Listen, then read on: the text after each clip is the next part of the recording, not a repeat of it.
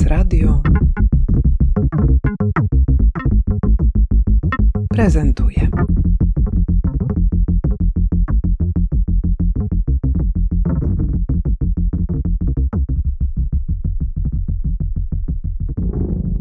Czasem zestawiam trochę takie odległe sytuacje ze sobą, szukając ich punktów stycznych. Michał Sroka, artysta, architekt, jestem autorem wystawy Konstruktopia w BWA Tarnów. To połączenie dwóch pól Twoich kompetencji, architektury i sztuki, jest szczególnie interesujące dla tych wszystkich, którzy marzą, wyobrażają sobie, że one mogłyby bardziej współpracować. Zwłaszcza wtedy, kiedy rozmawiamy o krajobrazie, o tym, jakie walory on prezentuje, to ta tęsknota za tym, żeby jednak architektura wsparta była przez najwyższe wartości plastyczne, gdzieś pojawia się na horyzoncie i tu fajnie by było, żebyśmy zaczęli naszą rozmowę, ponieważ Twoja wystawa też odnosi się do tego tematu. Wytłumacz nam, proszę, tytuł tej wystawy. Z jakiegoś powodu zdecydowałeś się na anglojęzyczne brzmienie, czegoś, co można byłoby chyba przetłumaczyć. Jakby to brzmiało po polsku? No właśnie, to, to, jest, to jest ciekawe, że tak, to jest zestawienie jakby dwóch słów, czyli jakby ono jest, łączy jakby takie dwie czynności, aktywności. Konstruowanie z taką frazą utopia, czyli można powiedzieć, że trochę takie, można powiedzieć, wykluczające się dwie koncepcje, ale okazuje się, że one gdzieś w tej mojej praktyce i moich zainteresowaniach spotykają się na wielu jakby poziomach, wielu polach, bo takim y, zjawiskiem, które interesuje mnie jakoś szczególnie, są takie peryferia architektury, architektura niemożliwa, architektura utopijna, czy w ogóle takie historie, które gdzieś dotykają takich radykalnych nurtów związanych w ogóle mm, ze sztuką, architekturą. Radykalnych to znaczy? Radykalnych to znaczy, to, to są często kon, koncepcje właśnie utopijne, czyli to były wizje, rozmaite wizje architektoniczne, które były na tyle jakby odważne albo na tyle wymagające w, w, w, danych czasach, że trudno było je realizować. Wymagające na poziomie takim społecznym, na poziomie warsztatowym, czy takim nazwijmy to wykonawczo-konstrukcyjnym, ale też na poziomie takim czysto ideowym, że czasem to były po prostu e, wizje, które być może wyznaczały pewnego rodzaju horyzont zmian, ale one same w sobie były nierealizowalne. To, co jest jakby istotne, to, co wydaje mi się w ogóle ciekawe, to jest właśnie zakreślanie tego horyzontu często w takim odważnym, utopijnym, często właśnie radykalnym gestem. Twoja wystawa prezentowana w BWA e, Tarnów jest y, oczywiście w pewnym określonym kontekście. Tarnów patrzy na mościce, mościce, które powstały jednak tak. takim, w takim geście marzenia modernistycznego, powołaniu tak. pewnego konstruktu urbanistycznego. Czy ten kontekst był dla ciebie ważny w tej wystawie? On jest o tyle istotny, że to, jest, to są takie rejestry, w ogóle modernizm jako pewnego rodzaju koncepcja i na polu sztuki, i na polu architektury jest dla mnie takim jakimś w ogóle punktem wyjścia w, w takich moich poszukiwaniach, więc można powiedzieć, że, że Mościce jako takie właśnie koncepcja miasta ogrodu, jako miasto, które staje się, albo inaczej, dzielnica, która staje się pewnego rodzaju taką tektoniczną strukturą, osadzoną w pewnym konkretnym krajobrazie, która ma właściwości nie tylko takie formalne, artystyczne, ale łączy się z pewnego rodzaju funkcją. To są na przykład takie rzeczy, które w mojej recepcji architektury gdzieś się objawiają, czyli taki powiedzmy potencjał jakby rzeźbiarski, ale też potencjał tak jakby tego, jak tego typu obiekty, elementy sytuują się w konkretnym krajobrazie, jaką pełnią funkcję jak ta typologia przekłada się na funkcje. I można powiedzieć, że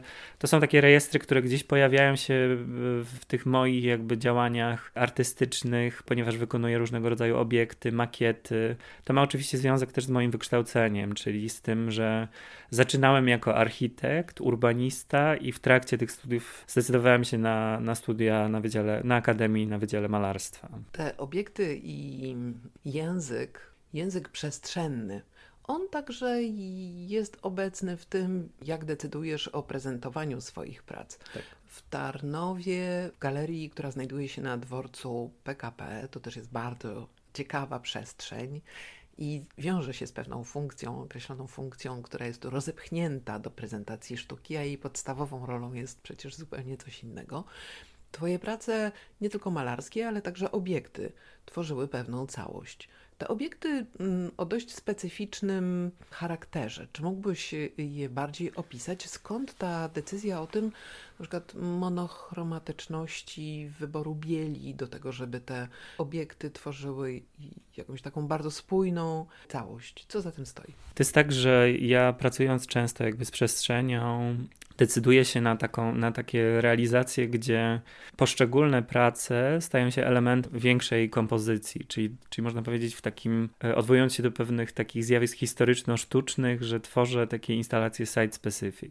Site-specific, które w pewien sposób reagują jakby na architekturę tego miejsca, ale też traktują przestrzeń jako takie pole działania. Pole działania właśnie z rozmaitymi obiektami, przedmiotami, rysunkami, obrazami, które tworzę. Czyli można powiedzieć, że nie decyduję się na taki prymat jednego medium nad innym, tylko, tylko tworzę pewnego rodzaju sytuację. Można powiedzieć trochę za Markiem Hlandą atmosferę miejsca, wykorzystując konkretne, jakby powstające równolegle w mojej jakby praktyce działania. Czyli to są właśnie druki 3D, to są e, rzeźby, to są różnego rodzaju obiekty, to są rysunki, instalacje, kolaże. I to, co jakby mnie interesuje, jest często właśnie taka też y, kwestia porządkowania, unifikowania trochę przestrzeni. I mimo tego, że często mam do czynienia z jakby z takimi obiektami, które formalnie mogą wydawać się na pierwszy rzut oka dosyć odległe od siebie, to interesują mnie często te spotkania, takie nieoczywiste spotkania i ten taki proces porządkowania, unifikowania jakby ty, tych moich różnych rejestrów na użytek jakby wystawy. Czyli wystawa staje się swego rodzaju medium, z którym jakby pracuję. Tutaj ta mm, wystawa jest jakimś szczególnym przykładem Twojej wypowiedzi, bo z tego, co powiedziałeś, można by wysnuć taką zachętę do tego, żeby sobie wyobrazić tę wystawę jako pewnego rodzaju wypowiedź, narrację, której, w której obiekty odgrywają pewną rolę, ale jednak po to, żeby sformułować jakąś myśl, tezę, do której powinniśmy się odnieść, nie są tylko tymi obiektami, które, które na sobie koncentrują 100% uwagi.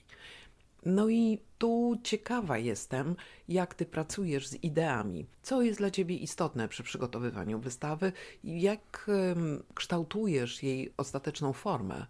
Co jest dla ciebie ważne? Czy te pytania, które sobie stawiasz, i ciekawa jestem tych pytań, które sobie stawiałeś mhm. przy tej wystawie, czy też jednak idziesz w coś, co jest wrażeniem, atmosferą i poddajesz się, burzysz ten język, składnia się, sypie, ale wystawa dobrze wygląda. To jest tak naprawdę, to jest gdzieś, w, można powiedzieć, w takim dialogu, czyli mam swego, można powiedzieć, że ten taki pierwiastek architektoniczny, który mam w sobie, wprowadza ten taki element projektowy, czyli staram się jakby mocno zapanować i na poziomie takim konceptualnym, ale też formalnym, ale zawsze pracując nad taką wystawą pojawiają się te takie momenty nieoczywiste, czyli można powiedzieć, że sam proces budowania takiej wystawy jest jakby bardzo ciekawy, ponieważ jakby w, w jego trakcie pojawiają się rozmaite decyzje.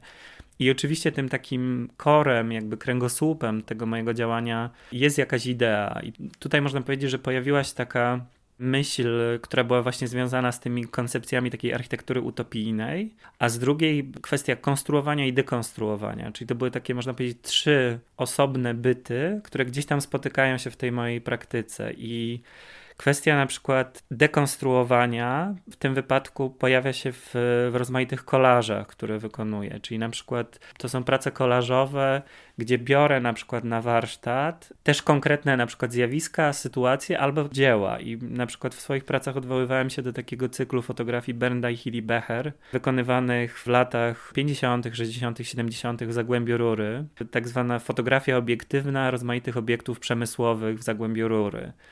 I to jest, to jest coś, co, co jest dla mnie bardzo ciekawym punktem wyjścia, a jednocześnie takim nieoczywistym, w ogóle było też trochę nieoczywistym odniesieniem do Mościc, do to właśnie do tej idei takiego miasta ogrodu, które powstaje przy dużym zakładzie przemysłowym, przy zakładach azotowych założonych przez Ignacego Mościckiego. Czyli czasem można powiedzieć, zestawiam trochę takie odległe sytuacje ze sobą, szukając jakichś takich punktów stycznych. I punkt wyjścia jest y, albo formalny czysto, albo też ideowy, ale te sytuacje gdzieś tam się przenikają. Drugim takim tropem, który wybrzmiał na tej wystawie, była kwestia historycznych zdjęć zburzonego dworca w Tarnowie, secesyjnego dworca, który został wysadzony zaraz na początku II wojny światowej. I ja go zestawiam, można powiedzieć, z takim ikonicznym momentem w, w, historii architektury, czyli z wysadzeniem osiedla Prut w, w St. Louis, które mówi się, że jest takim symboliczną śmiercią w ogóle modernizmu, idei modernistycznych. I oczywiście to są, to są bardzo odległe sytuacje i tym punktem wyjścia dla mnie jest ten taki, ta kwestia takiego formalnego zderzenia, ale tu na przykład wybrzmiewa też taka rzecz, która jest dla mnie też interesująca w ogóle w, i w architekturze, i w sztuce, czyli kwestia może nie wyburzania, ale kwestia właśnie dekonstruowania, czy w ogóle taki potencjał, który płynie ze zniszczenia, czy z, takiego, z takiej dystopii, której podlega architektura. Że można powiedzieć, że na tej podstawie rodzą się jakby bardzo ciekawe rzeczy i to trochę pokazuje trochę moją taką metodę pracy, że ja mocno odwołuję się w swojej jakby praktyce i do historii sztuki, i do historii architektury, ale zestawiam właśnie tak jak kolażowo buduję jakby często pracę, czy kolażowo też powstają te wystawy, tak kolażowo gdzieś zestawiam różnego rodzaju zjawiska i, i z tego rodzą się bardzo takie nieoczywiste, ale też dla mnie ciekawe zderzenia, tak bym nazwał. No to jest to, czemu najbardziej kibicujemy, to interdyscyplinarne podejście, które odkrywa ślepe pola znajdujące się na obrzeżach dyscyplin i tak. wtedy ty, Michał, pojawiasz się ze swoim aparatem i jesteś w stanie coś nam z tego tego szarego pola pokazać. I dlatego, mm, wiesz, bardzo mnie interesuje kwestia utopii i tego, w jaki sposób ty, zwłaszcza jako architekt, definiujesz architekturę utopijną. Co to znaczy w twoim, twoim języku? To jest w ogóle e, ciekawa rzecz, bo odnosząc się w ogóle do takiego pojęcia architektury utopijnej, ja czasem w ogóle myślę o tym, że tak naprawdę musimy sobie odpowiedzieć na pytanie, czy myślimy o architekturze jako tylko o takich bytach materialnych, czy o architekturze w ogóle jako jakimś polu oddziaływania, czy, czy takim, można powiedzieć, środowisku, w którym funkcjonujemy. Tą architekturą w ogóle staje się jakieś środowisko, można powiedzieć, środowisko, w, w którym żyjemy. Ale architektura utopijna co, o czym już jakby wspomniałem gdzieś na wstępie naszej rozmowy, często jest po prostu pewnego rodzaju jakby wizją, albo jest taką wizją, która powstaje na bazie pewnej intuicji, albo na, na bazie różnego rodzaju, nawet takich artystycznych działań, które próbują przewidywać pewnego rodzaju sytuacje, albo odnoszą się do pewnych zjawisk. Czyli ona, on, ona dla mnie jest pewnego rodzaju dialogiem z przyszłością, tak bym to nazwał w skrócie. I ona niesie za sobą potencjał pewnej zmiany, ewolucji. I nawet jeżeli sama w sobie nie jest na dany moment realizowalna, to wyznacza pewnego rodzaju horyzont, o czym już mówiłem wcześniej. I miałem takie doświadczenie, że półtora roku temu odbywałem stypendium w Wiedniu na Angewandte i realizowałem taki projekt, który odnosił się do takiego bardzo ciekawego architekta, Fredryka Kislera, który tworzył tak zwaną architekturę niemożliwą. I Fredryk Kisler to jest e, bardzo w ogóle ciekawa jakby postać, też z pochodzenia, bo to był Austriak żydowskiego pochodzenia, urodzony w Czerniowcu, czyli w mieście, w którym urodził się m.in. Paul Celan, który studiował w Wiedniu i poprzez swoją taką praktykę projektowo-architektoniczną, później pracę w teatrze, rozwinął taką bardzo ciekawą koncepcję m.in. Endless House, czyli taki dom, który jest takim, można powiedzieć, niemożliwym, niekończącym się y, bytem, obiektem, który ulega cały czas transformacji. Mówi się w ogóle o Kislerze jako ojcu e, architektury biomorficznej, całego nurtu w ogóle zjawisk takich w architekturze, ale nie tylko, ponieważ on był taką bardzo ciekawą postacią,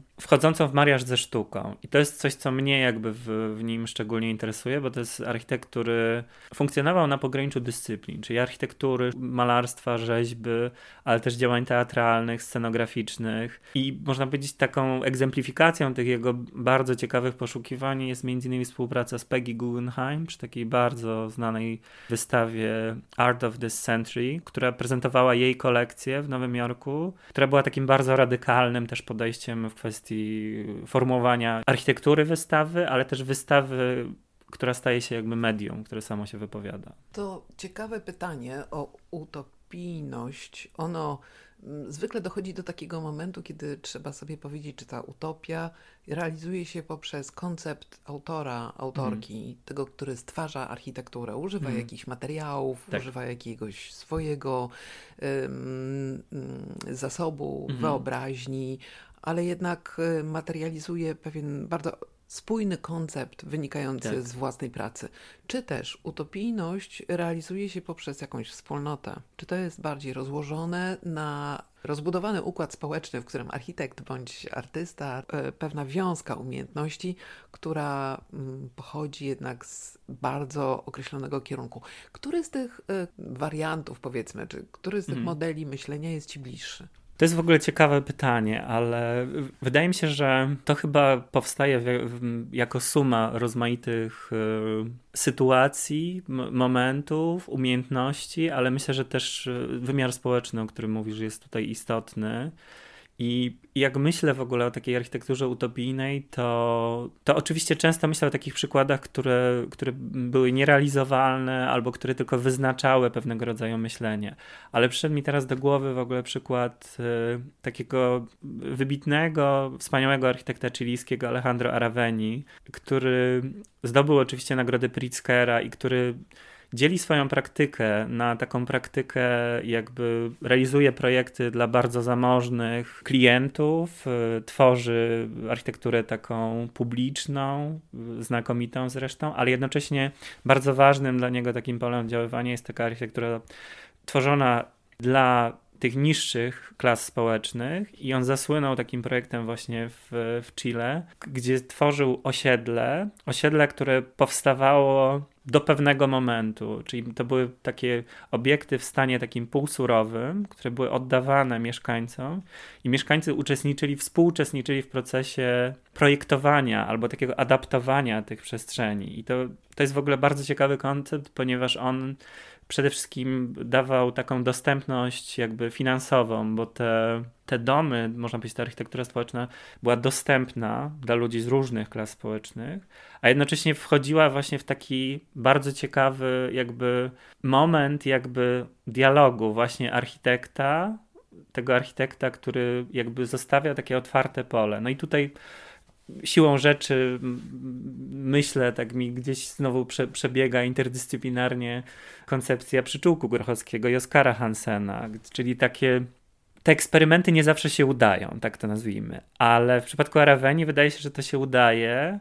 Udaje się też chyba dlatego, że mamy do czynienia z innego rodzaju społecznością, czyli w ogóle ludzie w Ameryce Południowej wydaje się, że oni trochę inaczej tworzą tą przestrzeń. Wydaje mi się, że inny jest ich stosunek do tej przestrzeni i to jest dla mnie taki bardzo ciekawy jakby przykład tego, jak ta architektura utopijna się materializuje i jak powstaje na przecięciu tych wielu dyscyplin, ale też wielu zjawisk, wielu takich no, ale koncepcji. ale też emocji społecznych właśnie. Tak, i emocji, dokładnie. I, i ona, i to, to, co jest jakby dla mnie jakby szczególne właśnie w tej twórczości Areveni, jest to, że on wyznacza pewnego rodzaju ramę. Czyli taka architektura utopijna może być pewnego rodzaju takim frame'em, w którym odbywa się właśnie życie jakieś, albo kształtuje się ta forma. I to, to jest właśnie dla mnie jakiś taki typ architektury utopijnej, która jakby nie musi się udać, jak w przypadku Hansena, aczkolwiek ja nie jestem taki jednoznacznie krytyczny wobec tego pszczółku Grochowskiego, ale u niego to jakoś się udaje i, i to, to, za co został jakby nagrodzony,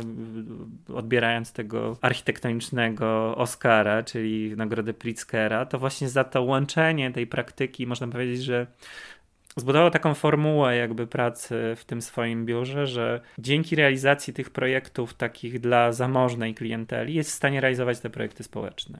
No i to wydaje mi się, że to, to jest fantastyczne połączenie myślenia tego inaczej, znalezienia środków na myślenie utopijne. Super, że o nim wspomniałeś, dlatego że pewnie byliśmy oboje na jego wykładach. Ty tak. w Krakowie, ja w tak. Warszawie. Tak. Miałam też przyjemność prowadzić z nim konferencję prasową i to, co w jego przypadku jest jeszcze szczególnie istotne, o czym warto, żebyśmy mm. tu powiedzieli, to jest to, że jego projekty, te społeczne, są oparte na bardzo ścisłej matematyce i przeliczenia środków, które są dostępne po to, żeby maksymalizować zysk tych, dla których ta architektura powstaje. Tak. Michał, ale na koniec chcę z Tobą porozmawiać tak. zupełnie o czymś innym, tak. dlatego że to, jak ciekawie przedstawiłeś swoją praktykę, też y, kieruje nas y, w stronę inicjatywy, w którą jesteś zaangażowany, mhm. współtworzysz z kilkoma innymi artystami coś, co nazywa się piana. Tak. Opowiedz trochę o tej waszej inicjatywie, bo dobrze by było, żebyśmy zaakcentowali jej istnienie i pozwolili na to, żeby was śledzić albo tak. odszukiwać tak. gdzieś na mapie artystycznej Polski. Powiedz proszę, na czym to w ogóle polega? Kto tworzy pianę? Galerię Piana tworzymy wspólnie z moimi przyjaciółmi Filipem Rybkowskim i Michałem Zawadą, którzy są też artystami. Jesteśmy z Krakowa, połączył nas Wydział Malarstwa na Akademii w Krakowie, z którym jesteśmy jakoś związani, na którym pracujemy, ale tym, co było dla nas istotne, to jednak wyjście na takie pole, gdzie nie jesteśmy poddani różnego rodzaju presji, gdzie możemy działać jakby na własnych zasadach jednocześnie możemy realizować dla nas istotną jakby koncepcję w myśleniu w ogóle o wystawach, czyli myślenie o wystawie jako medium. Mimo tego, że gdzieś jesteśmy, że interesują nas trochę inne rejestry, formalnie jesteśmy różni, nie tworzymy też kolektywu artystycznego, nie jesteśmy tak jak Galeria Potencja, taką grupą, która wspólnie robi jakieś projekty. Oczywiście to się zdarza, ale my gdzieś formalnie jesteśmy odlegli, ale to, co nas połączyło, to właśnie to myślenie o, o wystawach. Więc dwa i pół roku temu założyliśmy fundację w Krakowie, Znaleźliśmy miejsce, małą przestrzeń na ulicy Retoryka, ale ta przestrzeń miała jeden duży walor, miała szklaną witrynę i ta nasza przestrzeń działa nie tylko w czasie, kiedy ją otwieramy, ale działa na zasadzie gab dużej gabloty. I to, mimo że ta przestrzeń e, jest niewielka, to tak jak powiedział to ktoś kiedyś, jeden z właśnie z odwiedzających nas zagranicznych gości, że jest niewielka przestrzenią, ale jest pełna idei. I faktycznie udało nam się w te 2,5 roku zrealizować 27 wystaw. Nie wszystkie odbywały się w której przestrzeni retoryka, ale można powiedzieć, że ona jest takim sercem i ona jest jakby takim trochę naszym znakiem rozpoznawczym, bo tam odbywają się od wystaw indywidualnych po takie wystawy, w których nawet brało udział 18 artystów, artystek z różnych pokoleń, bo to też co nas interesuje to to, to że faktycznie z racji na to, że pracujemy na Akademii, mamy wgląd w absolwentów, absolwentki, ale też jesteśmy w jakimś takim stałym dialogu z takimi klasykami awangardy, między innymi jak Marek Landa, więc pojawiają się u nas przedziwne jakby korelacje. To nas jakby też interesuje, że próbujemy jakby to budować, to co jest jakby, jaka jest też nasza metoda. Metoda pracy jest taka, że my jako takie trio kuratorsko-artystyczne, zapraszając jakichś artystów, artystki, współuczestniczymy w tym procesie powstawania wystawy na każdym jego etapie, od takiej fazy koncepcji, później po kwestii jakby aranżacji, tekst, ale jakby staramy się zachować taką horyzontalną strukturę, czyli jakby tworzymy na potrzeby wystawy rodzaj takiego zespołu, kolektywu. W skład tego kolektywu no, czy wchodzi Michał Zawada, Filip Rybkowski i ja, Michał Sroka to będziemy Was e, w takim razie wspierać na łamach notesu na 6 tygodni, którego najnowsze październikowe wydanie zawdzięcza Tobie wspaniałą okładkę. Wielkie dzięki, Michał. Ja też dziękuję za zaproszenie. No i w takim razie co? Zapraszamy do Was do Krakowa. Tak. Ja chciałem tylko jeszcze jedną rzecz wspomnieć a propos wystawy Konstruktopia. Kuratorką wystawy była Agnieszka Jankowska-Marzec, która jest historyczką sztuki, pracującą też na Akademii Sztuk Pięknych Agnieszka prowadzi też taki bardzo ciekawy projekt Pracownie do wglądu w Krakowie. Jest też taką, można powiedzieć, takim dobrym duchem w Krakowie, uczestniczącym w całej masie jakby projektów, realizującą wystawy, tworzącą teksty. Myślę, że to należy oddać, że ona w jakiś sposób była współtwórcą jakby tej myśli w ogóle i bardzo ciekawego tekstu do mojej wystawy Konstruktopia. Także tu chciałem tylko jedną rzecz tak uzupełnić. A to w takim razie na zakończenie poprosimy tak. wszystkich, żeby w naszych zasobach podcastowych Radia odnaleźli rozmowę o pracowniach do wglądu, tak. gdzie z Agnieszką rozmawiamy i tam o tym projekcie można sobie posłuchać. Wielkie tak. dzięki Michał za rozmowę. Bardzo dziękuję.